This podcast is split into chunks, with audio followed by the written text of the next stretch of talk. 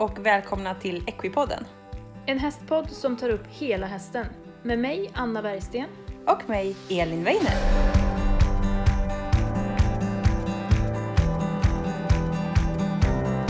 Hej och välkomna till Equipodden. Idag är det dags för ett nytt avsnitt. God morgon Anna! God morgon! Vi sitter här och min dator visar på 06.17. Yes! Vi är ju Ja, eller hur? Vi är ju lite morgon, morgonugglor. Yes! Vad Ja. säger man? Uggla då? Mor- ja, morgon... Alltså jag vet inte. Säger man så? Nattuggla säger man. Ja, precis. Ja. Morgon, morgonpigga. Ja! Hur är läget med dig? Jo men det är bra. Hur har veckan varit? Ehm, Den har varit bra. Kul! Jag har ju fått hem en ny häst. Yes! Ja. Maxi har kommit hem till mig. Har du lagt upp Ehm, någon bild på henne? Nej, jag tror inte det. Ja, men då måste Jag kan göra det. Ja. Ja, hon har kommit hem till mig. eh, Och eh, hon är ju en företagshäst. Mm. Och eh, hon är ett jättestort grått travsto. ja, fräckt att hon är grå. Hon är skitsnygg. Mm. Hon är jättefin. Så det är jätteroligt. Mm. Hur är läget med dig? Hur har din vecka varit? Det är bra. Jag har ju börjat jobba och det är väldigt roligt. Du är fröken nu? Nu är jag fröken, yes. Och det har varit lite rörigt. Vi har nämligen, vår skola har blivit utbyggd så att vi har fått helt nya lokaler. Så att jag har fått ett helt nytt arbetsrum. Så att första dagen gick vi då till att typ hitta arbetsbord och stol typ. Ja. Eh, Så det, det har varit lite rörigare än vanligt har jag förstått på äldre lärare eller vad man ska säga. Men ehm, det har gått jättebra och det är väldigt roligt. Men jag har också haft ett mission i veckan vet du vad det är? Nej. Jag har varit ute och letat svamp. Oj, det kan vara väldigt avslappnande väldigt, eller väldigt frustrerande. Mm, lite både och. Ja, men du har en hund. Kan du inte göra honom till någon form av tryffelhund? Jo, Kantarellhund, det finns sådana. Jo, kantarellhund kan han definitivt bli. Han är ju grym med sin näsa. Vi spårar ju både vilt och person hur bra som helst. Men jag har Mm. inte börjat riktigt med kantarell. Jag har liksom, åh, skulle ha gjort det tidigare känner jag nu. Vi har varit ute flera dagar och vi har letat och vi har letat och inte hittat ett smack vet du. Har ni inte hittat en enda liten svamphatt? Nej, igår. ja, men då vi var ute, vi har varit ute tre dagar i tre olika skogar och då har liksom ändå gått två timmar i varje skog liksom. Mm. Jag har inte hittat någonting. Men igår, då var vi i den tredje skogen. Mm. Då hittade vi. Och då var jag och min sambo var ute och hunden han var helt lycklig för det var också så här, nu är det inte koppeltvång längre. Och eh, han, Koppelek! Ja, ungefär så. Jag och min sambo gick upp lite olika platser så han var så lycklig tux och sprang mellan oss och nosade runt. Och... Men hittar ni mycket? Nej, vi gjorde inte det. Vi hittade kanske 10 kantareller och det är väldigt lite. För vi hittar ju ändå kantareller. Och då Mm. brukar det ju vara mycket kantareller där de väl finns. Men det var inte det. Men det var väldigt roligt. Vi hittade faktiskt fyra stycken Karl Johan-svampar. Och det är första gången jag plockar det. Så jag har stått hemma här med internet och eh, försäkrat mig om att det verkligen är Karl Johan. Och det är det. Och det känns superkul. Så nu ska jag göra Karl Johan-soppa idag. Men det är faktiskt jättegott, Karl Johan-svamp. Eh, Ja. När det var sånt här... ehm, den här regniga sommaren. Mm. Det, de flesta är ju det, men... Mm. Ja, precis. Eh, Då, ehm, då bodde jag ju i Karlsborg. Mm. Och då hade jag ju mitt stall där. Och då har ju vi jättemycket, alltså jättemycket fin natur. Och så när man var ute och red så får man en helt annan vinkel Ja, neråt på marken. Och då hittade jag massor. Alltså det var ett Karl Johan-svamps år. Jag kommer ihåg att de kallade det det. Så jag hade varit ute och ridit och eh, så tänkte jag att gud mycket svamp det är. Så jag tog ni vet, en sån här höpåse, alltså en Ikea-påse, en blå. Ja. Och så åkte jag med bilen där jag hade ridit och så gick jag in på de ställena där jag hade sett. Liksom. Ja. Jag kom hem med åtta kilo Karl Johan-svamp. Det var helt sjukt. Wow. Jag gick hem till min mamma och pappa och bara, alltså jag har hittat jättemycket svampar här. Jag vet inte vad jag ska göra med dem. Men "Hej, ni kan ta dem om ni vill för att rensa svampen det är ju astråkigt. De blev ju jättelyckliga. wow. Mm. Coolt. Mm. Ja, jag har alltid... Jag har, jag har världens sämsta svampögon. Framförallt dåliga kantarellögon. Men jag letar ofta svamp. Och jag har haft en sån tradition med min pappa att eh, vi har plockat svamp ihop. Och vi har gjort det just med häst. Mm. Och jag vet något år så hade jag precis fått hem en unghäst. Eh, så jag red inte utan jag ledde henne då men hon var inte så himla bra på att bli ledd heller. Nej. Så jag tänkte det blir jättebra träning att släppa med henne ut. Så var jag, pappa och vår dåvarande hund och så den här snurriga hästen då. Och det här är en lite rolig historia. Snurrig hästen? Ja men hon var, hon var lite, hon var överallt kan man säga. Ja. Stor, fattade inte riktigt det här med att gå bredvid mig i grimma liksom. Utan hon gick en cirk, sprang runt i en cirkel runt mig typ. Tänkte det här är bra träning. Ha! Kommer upp i skogen och där står en man mitt på, mitt på vägen. Med en bössa, Mm. så står en jägare där. Så kommer vi där med hund och allt. Pappa bara, hej vad jagar du? Rådjur! Säger han då. Jaha, säger vi jättehögt. Hittar du något? Ja, kysch, står han och viskar där. Vi Jag gjorde det tills ni kom och gapade här. Ja, exakt. Så går vi vidare där och går ut i skogen och så hittar vi lite svamp då. Men då kom ju, vi har hittat svamp och så stannade jag men hästen stannade inte för hon kunde ju inte gå i grimma så hon sprang ju rätt över all svamp. Så vi blev ingen svamp med hem. För de var helt söndermosade när hästen hade trampat på dem. Ja, ja, så vi var ute en timme eller någonting och så kommer vi tillbaka. Så står jägaren där igen då på vägen och spanar. Ser han oss komma. Tittar han argt på oss och så går han ut och ställer sig i en buske. Precis bredvid vägen. Ni var störningsmoment. Ja, vi bara fattade vinkeln och så gick vi förbi. Men idag ska ju vi varken prata svamp eller någonting annat. Ja, precis. Vi ska ju faktiskt prata om, vad ska vi prata om? Idag ska vi prata om neurotiska åkommor.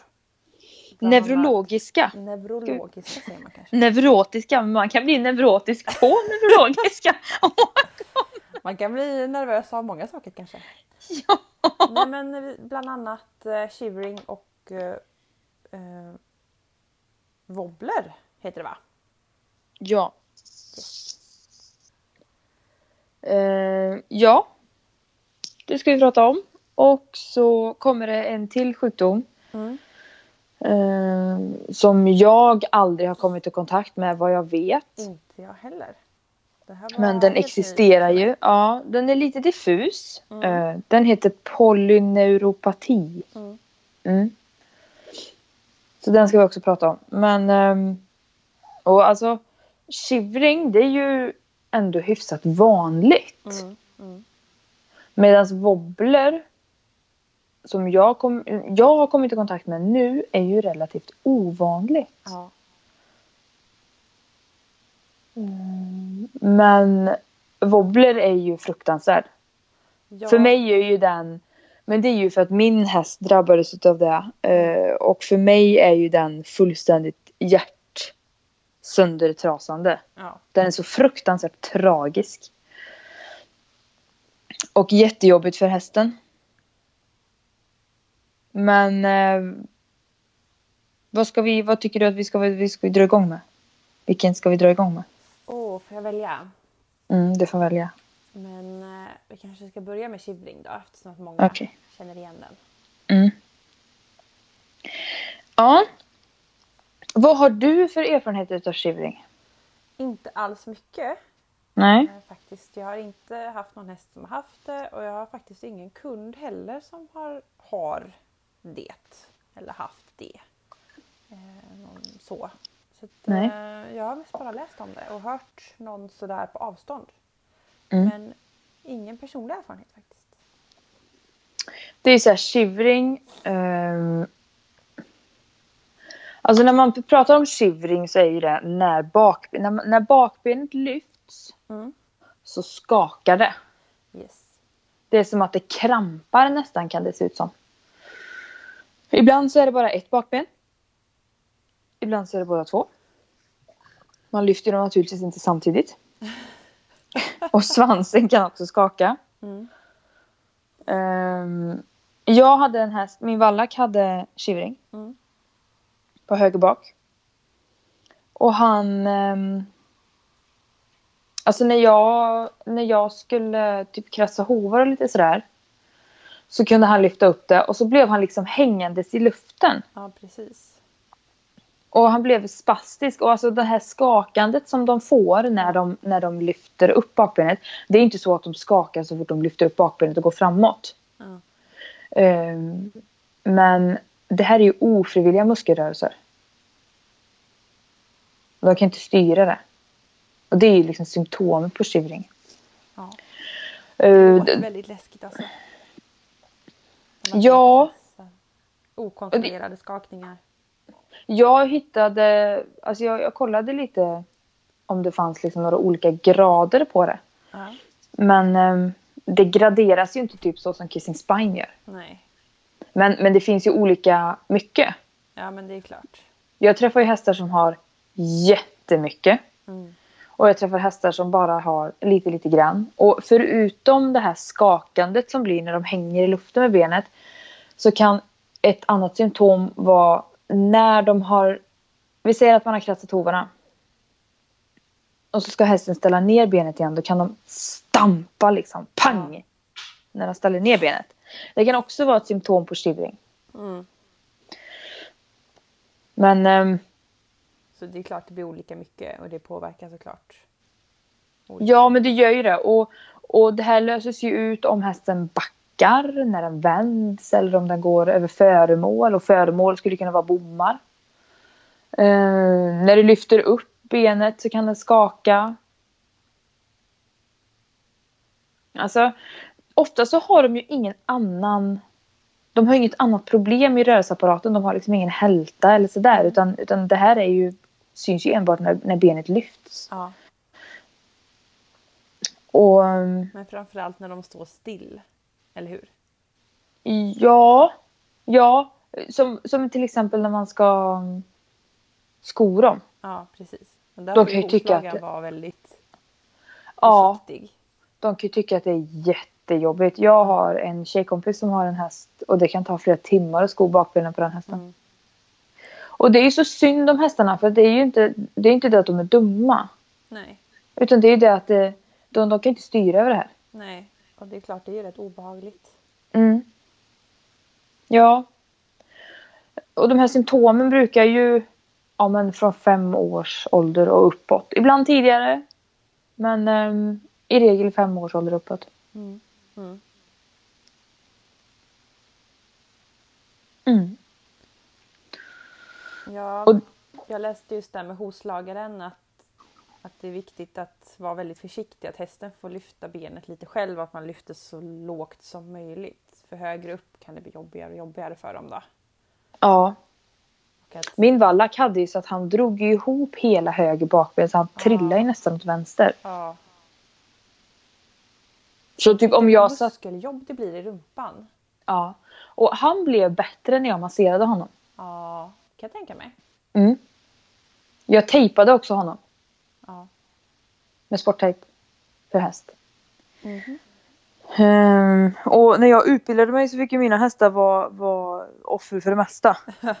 Inget dåligt dock, utan de fick ju vara mina testpiloter på allting. yes, Eh, och han blev faktiskt mycket, mycket bättre när jag masserade honom. skönt. Mm. Men eh, om jag hade satt på honom bakskydd till exempel. Mm. Han gillade inte dem.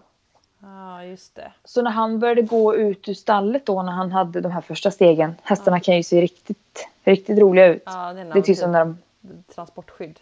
Ja, de ser inte riktigt kloka ut när de går. Och då kunde han ju ibland lyfta det där höger bak lite för högt upp så att han... Och då blev det ju så att han stod och skakade och så nästan trillade då. Ja. Mm. Och det här det är ju olika från individ till individ hur det beter sig och ibland så, ibland så kan det förbättras och ibland så, så stannar det där det är och inte för, förbättras och ibland så, så försämras det. Mm. Och det är lite oklart. Alltså, det finns inte egentligen någon anledning till att de får det. Nej. Man vet väl inte riktigt det. Nej, Alltså, man har men inte kommit visst. dit ännu i forskningen. Nej, alltså viss forskning visade ju att, att hästar över 1,65, alltså stora hästar tenderar att få det mer än små. Mm, mm. Men det är inget som man kan säga att så här är det. Köp ingen häst över 1,65 då, då kan de få shivring. De, kan ju, de är ju riktigt oturspippisar alla hästar. Ja, ja, ja. Eh, Men det har väl också visat sig att hästar som har shivring har en skada i en del av sin lillhjärna. Just det, det läste jag också. Så det, är Ja. ju, det sitter ju i eh, nervbanor och centrala nervsystemet och sånt. Att det är det Ja. som orsakar. Och, ja, bakbenen är ju längst bak och nervsignalerna ska gå rätt alltså. Förhoppningsvis så är de det. ja, ja. Nej, men det är ju långa nervbanor Mm. och det kan hända väldigt mycket på vägen. Jag tänker rent biologiskt så är det väldigt mycket som kan hända på vägen. Absolut, och det som kan vara... Det, alltså det finns ju ingen, ingen behandling mot det här. Nej, det gör Eh. inte det. Det är också lite sorgligt. Men det kanske kommer. Forskning pågår ju. Ja, man hoppas ju det. Men det, det, det är ju bra för dem att gå på ute, Mm, alltså utomhus. Ja, lösdrift. inte alls fel. Eh, Det kan vara bra att... mm, Alltså regelbunden motion. Mm. Och uppstallning och, och, och stressade situationer förvärrar det ju. Mm. Men, men det är ju svårt. Alltså, misstänker man att hästen har shivering då ska man ju då ska man ju kontakta veterinären så att antingen så får det bekräftas eller så får det uteslutas. Precis. Och det är ju viktigt. ja för att det, är- det är jättesvårt att stå och koka ihop hemma att ja den ser lite så här ut den har nog shivering. Ja nej alltså ta, ta hjälp istället. Precis. För det finns ju så mycket som man kan ändra och hjälpa en häst med shivering. Till exempel det här med hoslagaren och även när man kratsar hovarna själv. Att man lyfter så lite som möjligt och att låta hästen få böja sina leder en i taget. Så man inte bara rycker upp foten. Mm. Om hästen står på stall, att den får gå på lösdrift. Massage kanske funkar. Alltså att man ändå på något sätt ändrar sig eller ändrar omständigheterna kring hästen för att den ska må så bra som möjligt. Det är det det handlar om. Ja, och just med skoning och sådär, alltså istället för att stri med hästen, att, Ja. att man blir osams, då kan man ju antingen så kan man ju man kan ju ge lugnande. Ja, just det. Ehm, för att det här är ju jättestressande för dem. Alltså det är ju, de blir ju jätte, kan ju bli jätteoroliga. Man kan också ha en vägg som de kan luta sig mot. Just det, det läste jag också. Ja. Mm. Men det här är ju också så här, jag tänker, nu går jag till mig själv här med mina nervproblem från min rygg, för jag fick ju nervproblem Mm. där. Mm. Jag vet ju det, liksom, desto spändare jag blir i bak, alltså neddelen av ryggen, det heter väl lumbago, och så rumpan ner. Om jag blir väldigt spänd där, Mm. då hände det ju faktiskt att nervsignalerna inte gick fram för att nerverna kom i kläm i muskulaturen. Mm. Och här står det också så här, hästen blir stressad och spänd, att det blir värre. Så att hitta lugna miljöer och såklart massage löser ju upp så att det blir större nerv... Alltså ifall musklerna blir avslappnade så blir nervbanorna större, eller liksom de får ju plats. Mm. Så att det finns nog mycket man kan göra, tror jag. Ja. Man får testa sig fram. Vad som funkar för sin Absolut. individ. Mm. Ja. Och alltså. Jag kan inte sitta och säga att, att uh, hoppar sämre eller att, att de gör si och så. För att det är ju jättemycket. Men, alltså från individ till individ. Ja. Utan men det, det, är ju, det här är ju shivering. Så här Mm. är det ju liksom, ja man sammanfattar symptomen då. Hästen stampar ner foten. Det skakar i benet när det lyfter det. Det kan lyfta väldigt högt och nästan krampa hålla upp det. Mm. Som när, när, som när veterinären gör bröjprov så att den verkligen fastnar där uppe. Eh, svårt att hålla balansen då. Att den kan välta. Eh, och så att svansen också kan skaka när den lyfter sig. Ja, Det är väl en bra sammanfattning. ja, absolut det tycker jag. Mm. Spännande. Ja, och sen så har vi ju det här polyneuropati. Ja. Det här är lite mystiskt. Eh, Jag var lite så här, ska vi prata om det här eller ska vi inte prata om det här? Ja, för vi pratade ju innan när vi startade här och jag har aldrig hört det. Och du hade aldrig heller hört det. Nej, jag har aldrig hört det och sen så, eh, alltså de här symptomen var ju väldigt, Spretiga. det kan vara väldigt, de här symptomen kan vara väldigt mycket. Det kan vara en bakbenshälta, det kan vara en låsning, eh, det kan vara ryggproblem, det kan vara knäproblem. Mm. Men ehm, jag sa det till Elin att jag man får vara lite försiktig med vad man säger. Så att inte, för jag menar, det finns ju lika mycket som det finns hypokondriker till människa, finns det lika mycket hypokondriker till häst. Nästan Ursäkta mer. men så är det. Ja, men jag menar man behöver inte gå, jag behöver inte gå länge till mig själv. Ja, man åker ju för något litet och så tänker man nu kommer jag hem med alla skumma sjukdomar som finns. Ja. Ja, eller att man tittar på sin häst och så bara oj, det här, undrar vad det här är och så, och så stirrar man sig blind och så kanske det egentligen inte är någonting. Ja. Men det här är ju alltså, det här, det här symptomen är ju att hästen börjar snubbla. Mm. Den kotar över och ibland så kan de ha lite svårt att röra sig. Ja. Och jag menar, hur mycket gör inte att hästen har svår, kan ha svårt att röra sig? Som till exempel den här nya hästen som jag har fått hem då, Mm. Maxi. Hon fick ju korsförlamning Just det. Efter några dagar. Och ehm, det har jag aldrig varit med om förut. Men det var så lustigt för att direkt när jag, jag för det var inte jag som hade, det var andels, andelsägaren som hade varit och kört henne. Ja. För de bor ju här där jag bor. Ja. Så ibland så åker de och kör sina hästar och det tycker jag är jättebra. Men då, då ringde han mig och så sa han så här. Du Anna, du får nog ta dig en titt på den här hästen imorgon. Jaha, okej. Varför då? Eller vad då? Vad menar du?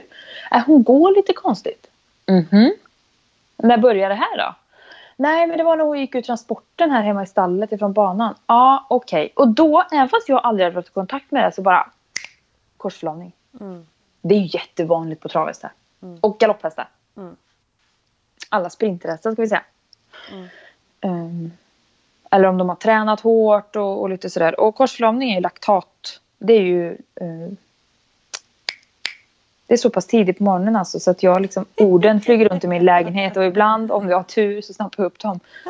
Eh, nej men det är ju när det blir för mycket mjölksyra i muskulaturen. Ja, precis. Eh, det är ja ingen och chans att musklerna får syre tillräckligt fort. För att, Nej, eh. Då, bryt, då bildas mjölksyra istället. Och jag menar, det gjorde ju att hon hade väldigt svårt att röra sig. Eh, och det står här om polyneuropati att det kan, det kan uppfattas som att de är försvagade i sina bakben. Mm. Den här, det är väldigt diffust alltså. Och är det någon som har varit i kontakt med det här så får ni jättegärna hö- höra av er till oss. För jag har aldrig varit det. Så vi får lära oss mer. Mm. Eh, Och det, det, det drabbar utan förvarning. Och ibland så blir hästen bra. Och ibland så behöver den avlivas. Mm. Och eh, alla åldrar, alla raser, okänd anledning. Mm. Jag såg någonting om att em, forskning tyder på att giftinverkan Ja, Och då- Då pratar man om giftinverkan som att det sitter i det inplastade grovfodret. Ja, för det bildas ju en del eh, skumma grejer när vi plastar Mm. in eh, vårt gräs. Eh, Mm. Det kan bli små mängder av gift också, såklart. Ja, och symptomen kommer smygande och hästen tappar ett eller båda bakbenen. Ja, men det, finns, ju, finns ju ganska mycket att hästarna kan tappa bakben. Precis, det har vi ju tagit upp ett antal gånger i den här Mm. Ja. podden. Eh, och ibland så, så liksom tappar de bakbenen flera, flera steg i rad. Och det är då de, de trillar ihop och får svårt att röra sig. Och då kanske inte de kommer upp igen. Mm. Ja, jag vet inte. Jätteskum. Jag har aldrig varit med om det här. Nej, Aldrig kommit i kontakt med det. Eller så har jag det och så vet jag inte om det. nej, precis. Det verkar ju lite diffust. Man vet ju inte. Hur mycket påverkade hästen då? Jag tänker ridmässigt, har jag läst något om det? Nej, ingen aning. tänker om de funkar som vanligt liksom. Då märker man det kanske inte alltid. Nej. Nej, alltså är det någon som har varit i kontakt med det här så hör gärna av er till oss. Ja, jättegärna. För jag... eh, Ja, jag är lite nyfiken på det här. Men det stod också att i de flesta fall så blir hästarna friska inom ett halvår. Mm, och det är också intressant. Mm. Att ändå en, ett nervfel eller en, någonting som funkar med nerverna som gör att hästen får de här skumma diffusa symptomen och att den sen kan bli frisk. Att liksom kroppen kan laga sig själv. Det tycker jag är rätt coolt. Ja, det stod mellan 6 månader och 17 månader. Ja.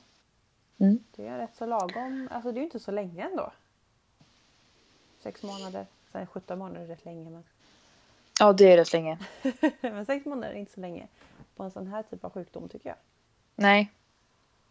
Nej. Nej, så det är det. Men jag har aldrig varit i kontakt med det och ehm, så jag kan inte jag kan inte säga att jag har någon erfarenhet av det. Nej, inte jag heller. Säg vad den hette en gång till. Polyneuropati. Polyneuр. Hör av er om ni har känt någon eller hört någon eller kan någonting om det.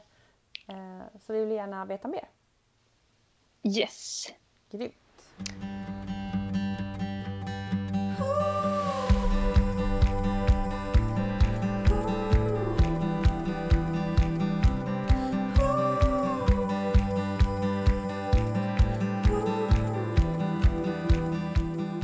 Och nu kommer vi ju fram till wobbler.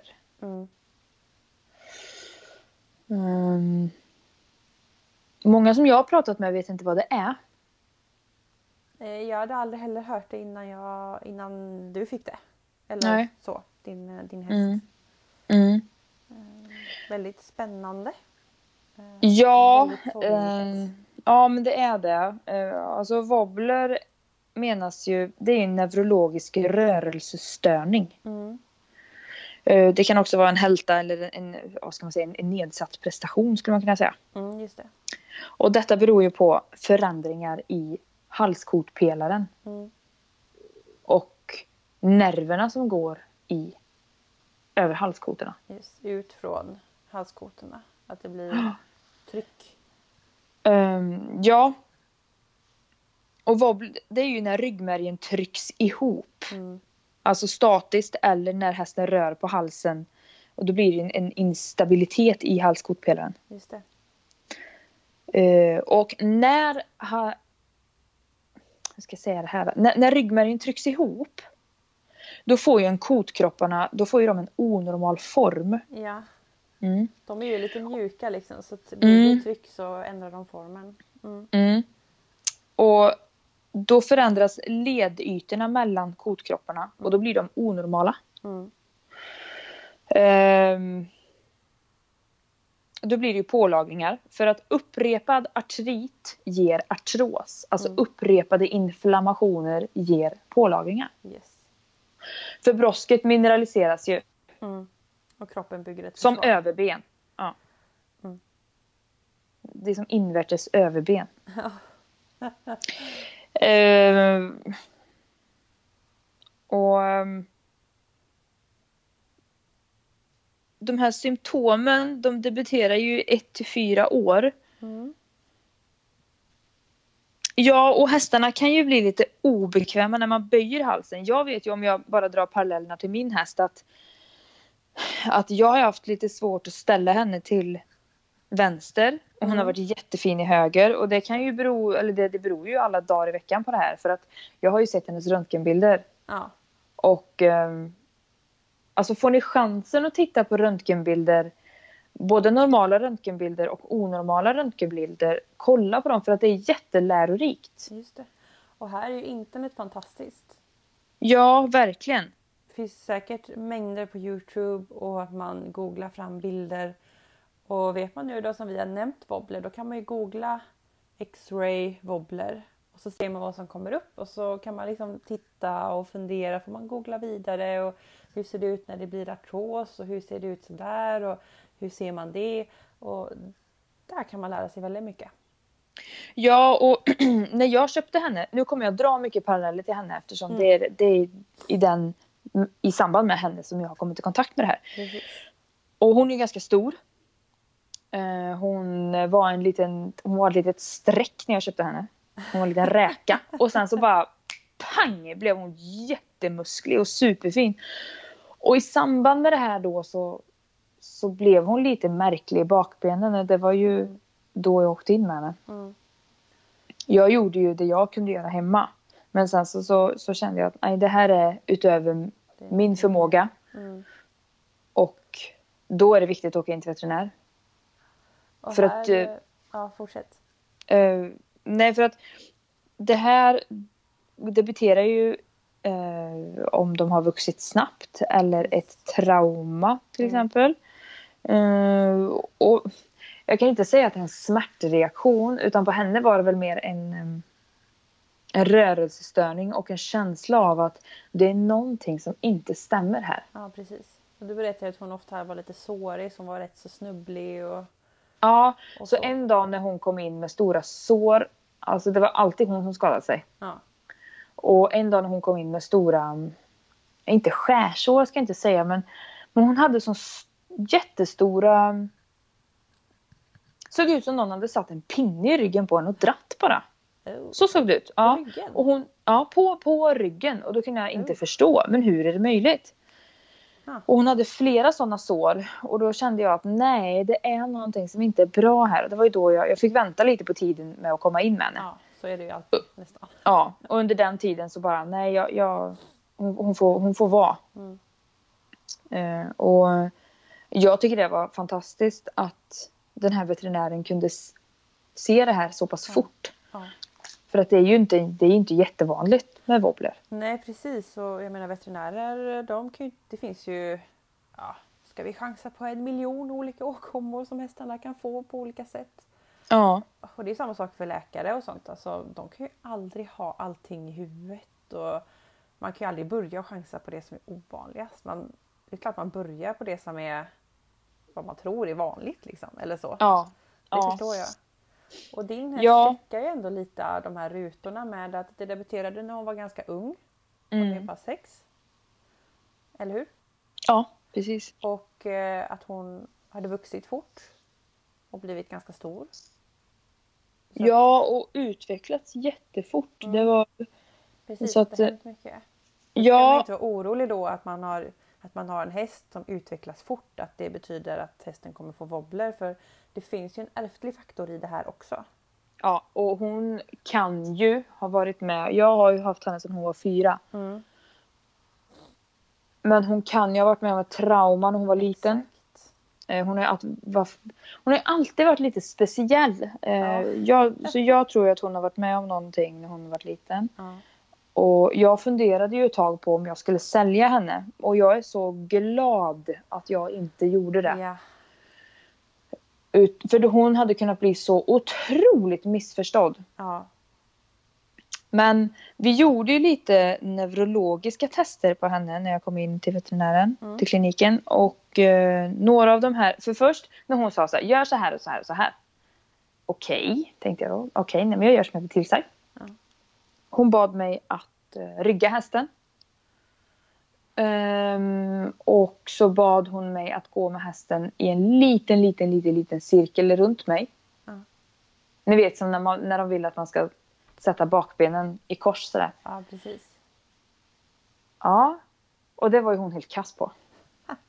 Både rygga och sätta bakbenen. Ja. Och det var efter det hon sa att du Anna, jag vill att vi röntgar hennes hals. Ja. Ja, absolut, så. Absolut, det gör vi. Och då hittade vi det här. Men så var jag tillbaka på återbesök där efter tio dagar ungefär. Ja. Och då så gjorde vi lite mer neurologiska tester. Och det här är ju, det här är ju det är fruktansvärt att det är min häst, men jag tycker också att det är ganska intressant det här. Ja. Ehm, för då, ehm, då ställde hon, vi stod på den här böjgången. Där han böjer och så springer man. Mm. Och då tog hon höger fram. Och ställde i kors. Liksom, så att hästen, typ som när vi sitter med benen i kors. ja. Ja, Veterinären Fram. tog benet liksom och satte ja veterinären tog benet Ja. och satte det i kors. Ja. Och min häst stod med öronen framåt och tittade på oss som att aha, mhm, mhm, nu då, nu då, nu då. Hon stod, alltså, ja, hon stod ju kvar så. Ja. Och det är ju onormalt. Ja. De ska ju vilja sätta tillbaka det. Det är lite, man gör ju sådana tester på hundar också. Ja, Eh, Nu vet precis. jag inte om det är i samband med wobbler och sånt men de, man ställer tassen upp och ner på. Hundar kan ju också få wobbler läste jag. Eh, Ja. Upp och ner på? Ja. Ja, ja, ja, att man vrider den liksom. Eller Så att man, man eh, böjer den under sig. Precis. Eller- så att, eh, ja, upp och ner på. var ett Ja, för jag blir såhär, va? Nej men att man liksom ställer tassen så att överdelen av tassen ner mot marken så att framtinerna liksom är uppåt, bakåt så. Mm, Precis. Och en, norm, en hund som är normal där, den ska ju känna det och ställa sin tass till rätta. Mm. Men eh, hundar som har ah, nervfel av olika slag eller dåligt eh, sådär, de Mm. känner inte det. Så de står ju där och bara jaha, vad roligt. Mm. Lite som Ja, precis. din här nu då. Ja, hon hade den uppsynen. och det var ju... Jag förstod ju först inte vad hon gjorde. Men sen så fattade jag ju att ja, det här är inte normalt alltså. Nej. Eh, och det var en fantastisk veterinär. Vilken tur. Ja, så himla bra. Så otroligt duktig. Och hon gjorde samma sak med bakbenen. Mm. Och där var det ju... Hade, hon stått still i tio minuter så hade hon stått med bakbenen korsade. Ja. Hon hade inga problem med det alls. Och då insåg man ju att okej, hon är inte medveten om att hon står så här. Nej, precis. Hon är inte medveten om det utan det här är, det här är inget konstigt för henne. Var skumt ändå. Man Ja, jätteskumt. Och sen så, så gjorde vi en annan sak som var som verkligen var ja, okej. Nu förstår jag en, ganska mycket saker om hur, varför hon har betett sig som hon har gjort. Mm. Och då satte vi en handduk över, över hennes huvud och så satte vi fast den i grimman liksom, så att hon såg Ja, ingenting. Som en, eh, en Ögonbindel. typ. Mm. Mm. Och hon kunde inte gå framåt. Hon kunde inte gå bakåt, hon kunde inte gå åt sidan, hon kunde inte gå Ja, någonstans. hon blev helt paralyserad. För hon såg inte vart hon gick. Ja, just det. Hon Och lever på det. Ja, hon lever på sin syn. Ja. Och hon har ju varit väldigt, väldigt svår att rida i mörker. Och jag har ju trott att hon inte, hon tycker inte om mörker. Ja. Eh, Så jag har ju undvikit det i möjligaste mån. Men eh, ja, nej, så så, alltså wobbler är, eh, det kan ju drabba fölungar Mm. också. Och då har ju de, de kan ju nästan inte röra sig alltså. De går som riktiga fyllon. Så skulle man kunna säga. Usch. Ja. Och det går att operera det här. ja, precis. Det läste jag också. Men det är Mm. ju såklart att operera en häst det är ju otroligt riskfullt eh, på alla sätt och vis.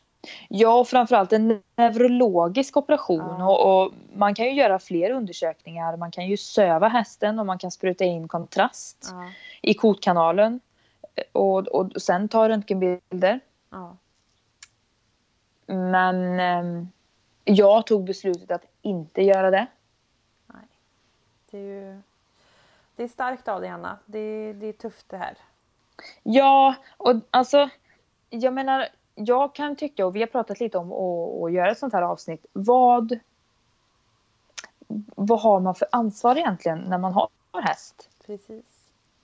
Eh, och när det hände lite sådana här saker. Och, och mm, jag hade en tjejkompis, eller jag har en tjejkompis som, vars syster hade en fjölunge som fick det här. Och det var ju, det, det finns ju inget att göra liksom. Nej. Och här, vi är ju väldigt överens om det om man tar det lite fort här. Att man ska såklart göra allt man kan. Man ska testa allt och man ska träffa olika veterinärer, terapeuter för att hjälpa sin häst till att bli frisk. Oavsett vad det är för problem hästen har. Att man ska kämpa med allt. Men det är också viktigt på någonstans att se att det finns en gräns. Eller en, en insikt i att det kanske inte går att lösa allt. Att man får ta det Nej. här jobbiga beslutet istället. Ja, man kanske bara får, ja nu, nu, nu är det så här. Mm. Och då är det ju så. Mm.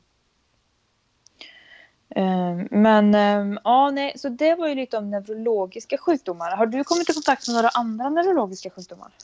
Nej.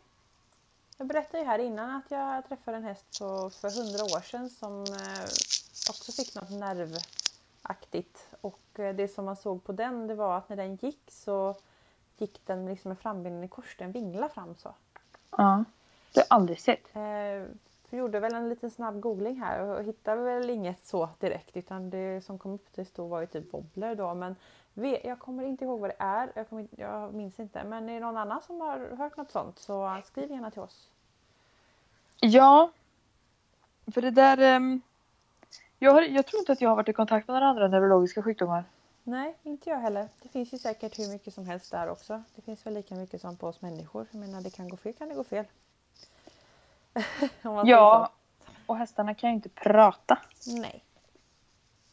Och det är, men det är också nog väldigt svårt att hitta de här diagnoserna. Liksom den här eh, polygrejen. Neuropati. Ja, precis. Liksom, ja, det kan bli en liten hälta typ. Man kan tappa ett bakben. Jaha, alltså det är helt, helt omöjligt att koppla det till att det är nerverna det är fel på. Ja. inte omöjligt är det såklart inte, men svårt.